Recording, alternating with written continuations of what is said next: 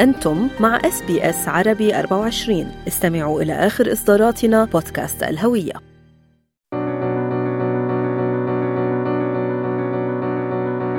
يعني إن في ألم ضاغط قليلا على المنطقة بتاعت الصدر بسيط بيروح ويجي ومش بيأثر عليه. كلمة زي دي حتى لو هو حاسس إن هي شيء عادي أو بسيط كطبيبة لازم act on it يعني ممكن يحصل heart attacks very near future. That can get really bad يعني.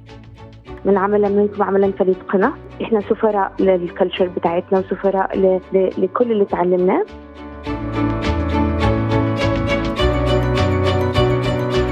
لقد أنقذت حياتي. بهذه الكلمات توجه إحدى مرضى دكتورة شيماء عبد المنعم بشكر لها على موقع لينكدين. هذا المريض توجه إلى مركز طبي تداوم فيه الطبيبة شيماء. ذكر ملاحظة سريعة أنه يعاني من ألم في القلب. فما كان من دكتورة شيماء إلا أن تحركت بسرعة وطلبت المزيد من الفحوصات. وبعد ذلك حتى قامت بإرسال النتائج إلى زوجها وهو طبيب أيضا وأخصائي في أمراض القلب. دكتورة شيماء لفتت الأنظار لها بهذا التحرك السريع وبأدائها لواجبها الطبي على أكمل وجه. اليوم نحن سعداء جدا أن دكتورة شيماء ضيفتنا على إس بي إس عربي 24 أهلا بك وصباح الخير من سيدني. صباح النور أهلا وسهلا. شكرا على المقدمة الجميلة في غاية الامتنان والله. بداية وقبل أن نخوض يعني في هذا الموقف آه، البطولي بعرف حضرتك تنظرين له أنه يعني كان جزء من مهامك اليومية ولم تفعلي الكثير ولكن التقدير والامتنان من هذا آه، المريض في مكانه طبعا لأنه لولا تنبهك لمدى خطورة الحالة لكان ربما فقد حياته وتعرض لمضاعفات خطيرة. آه، قبل أن نخوض في هذا الموقف آه، حابب تحكي للمستمعين متى وصلت إلى أستراليا مع زوجك؟ ولماذا أنتم الآن في المقاطعة الشمالية في داروين؟ إحنا وصلنا في July آه 2022 فبقى لنا تقريبا سبعة شهور. مارست العمل على طول مباشرة في August. أنا بشتغل كطبيبة عامة في مركز اسمه Top End Medical Centre ويعني ابتديت على طول من أول يوم آه أشوف عيانين بعد ما خلصت registration تحت إشراف من ال- المشرفين الطبيين اللي أنا بشتغل تحتهم. آه والحمد لله يعني so far إحنا لقينا ال support قوي جدا يعني يعني ما حدش ابدا حصل discrimination أو حصل أي يعني نظرة من المجتمع أو حتى من زملاء العمل إن إني أنا جاية من من Middle East أو overseas أو إن أنا آه، أقل كفاءة. بالعكس يعني لم أجد إلا كل تقدير واحترام وسبورت من زملاء العمل أو المشرفين أو حتى من المرضى اللي بشوفهم بشكل يومي يعني. إذا ممكن دكتورة شيماء تحكي لنا عن هذا المريض إحدى المرضى اللي قمت بالكشف عنهم. دخل عندك على العيادة وعملتي له أتوقع إجراء روتيني ربما وفحوصات. ذكر هاي الملاحظة العابرة أنه أنا أشعر بألم في منطقة الصدر. شو تبادر إلى ذهنك يعني في هذه اللحظات؟ وكيف تصرفتي بهذه السرعة؟ الطبيب العام لما بيشوف مريض مرة ورا مرة ورا مرة بيبتدي يبني علاقة professional معاه بيبقى عارف ما هو الطبيعي ليه وما هو غير الطبيعي ليه بالذات لما تتكرر الزيارة. فهذا المريض specifically كان كان جالي كذا مرة وكنا ابتدينا في خطط علاجية تخص أح- آه، أشياء صحية أخرى. آه، بس المرة الأخيرة كان جاي الأمر مختلف تماما آه، شهادة عادية جدا ولكن كان هو بالنسبة لي مش يعني حسيت إن في اختلاف فمن الطبيعي معاه أو مع أي مريض بحاول آخد تاريخ مرضي كامل بما حدث خلال الأسبوعين اللي فاتوا إذا في أي أعراض جديدة إذا في أي concern حتى لو شكله تافه ممكن يكون مهم.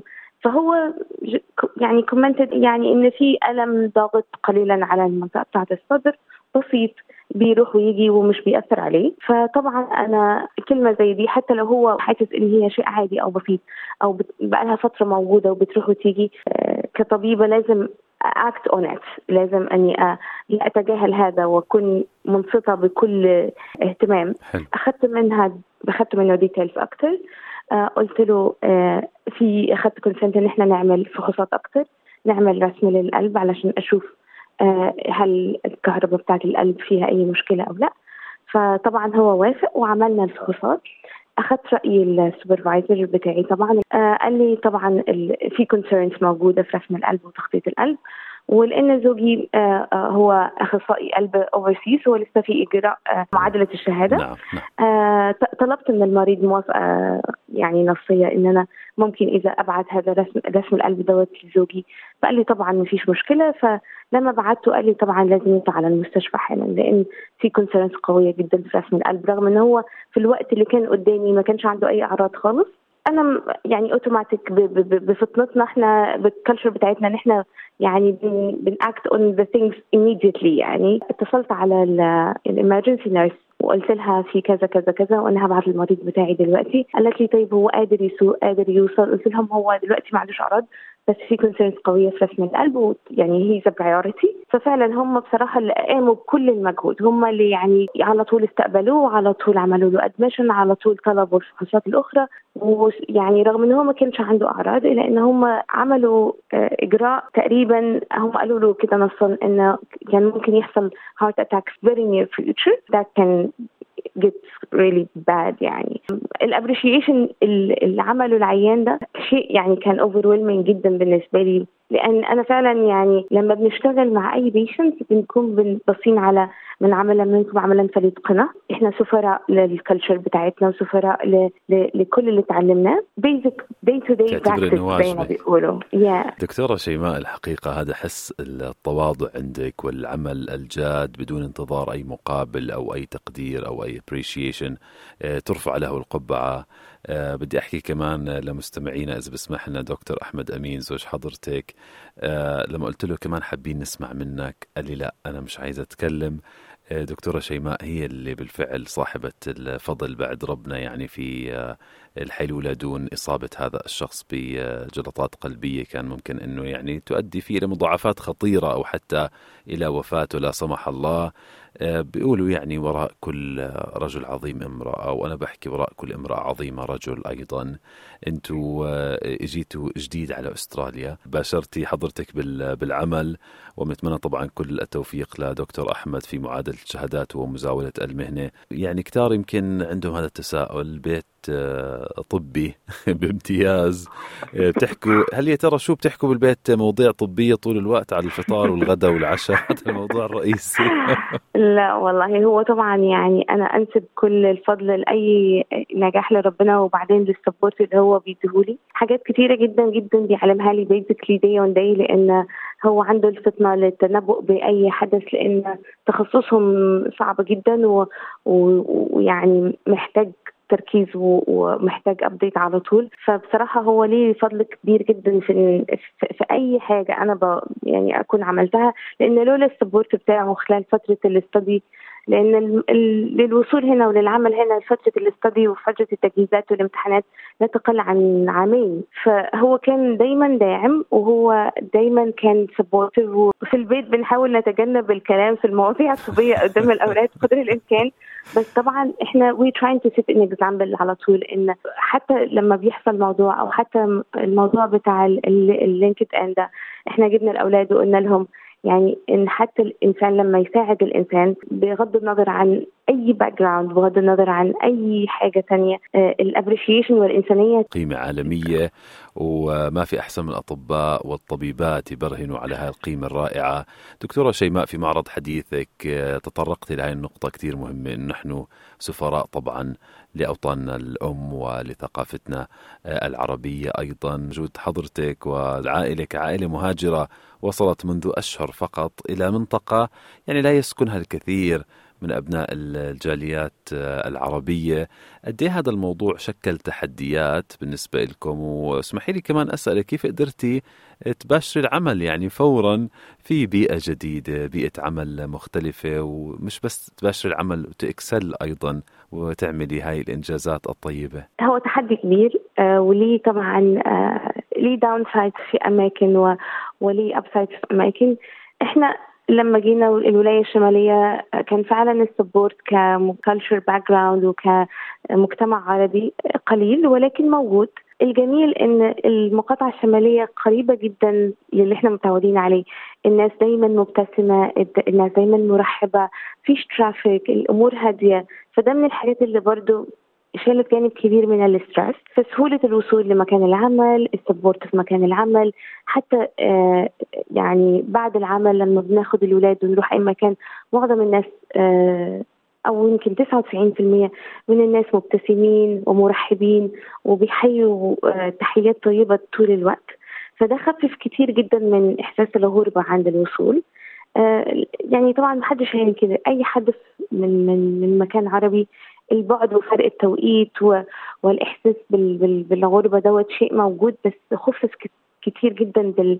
بال background اللي موجودة في المقاطعه الشمالية بصراحة يعني فعلا لما بيقولوا على المقاطعه الشمالية إن هي مقاطعه عائلية أو ال north يعني ال territory time to يعني slow down يعني دي حقيقة لأن الحياة هنا يعني شايفة إن هي لعيله مهاجرة جديدة أسهل بكتير من أي مكان ممكن يكون busier أو أو مليء بالحياة أكثر كون المقاطعة الشمالية أيضا موطن لكثير من السكان الأصليين تعطي فرصة طبعا. لكم كعائلة مهاجرة كمان to get in touch مع هذا التاريخ الغني اللي بيمتد على مدار أكثر من 80 ألف عام من تاريخ أستراليا. دكتورة شيماء الحقيقة لفتني كمان فيما كتبه آه هذا المريض اللي انقذتي حياته كتب على لينكدين في نهاية هذا المنشور الطويل.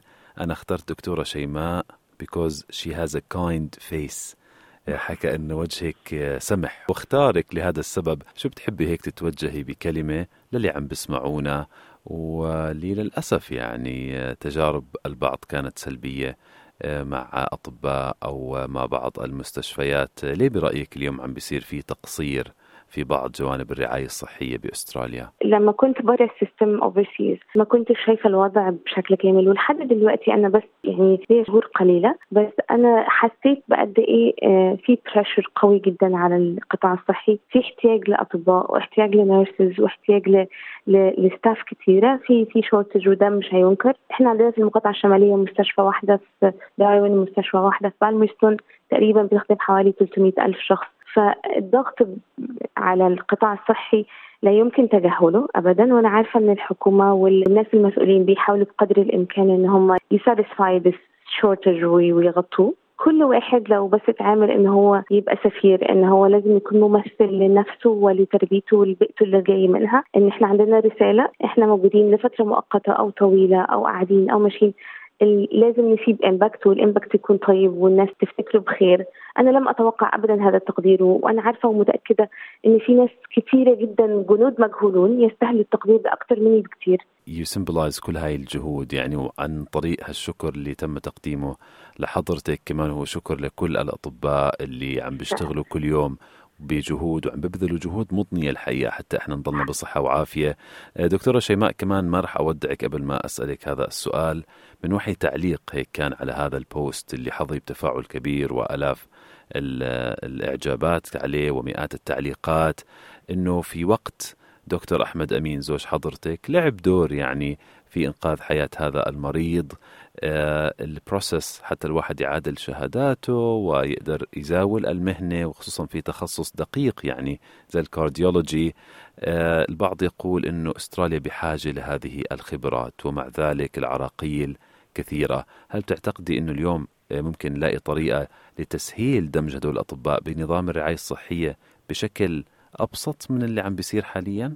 أكيد الحكومة واخدة بالها منها وأكيد ال Ministry of Health هنا هتحاول إن هي تسهل شوية الأمور أو آه لأن الوقت فعلا بتاع المعادلات والوقت بتاع الورق بياخد يعني البروسيس بتاخد شهور وشهور حتى تتم. ما أعرفش إذا ممكن يكون أسهل أتمنى يكون أسهل. آه لكن طبعا في احتياج قوي جدا لكل التخصصات في أستراليا. فحتى لو أخذت وقت eventually it will happen إن شاء الله. وهو ده المهم يعني النتيجة. كل التوفيق لدكتور أحمد بنوجه له تحية. شكرا جزيلا دكتورة شيماء عبد المنعم.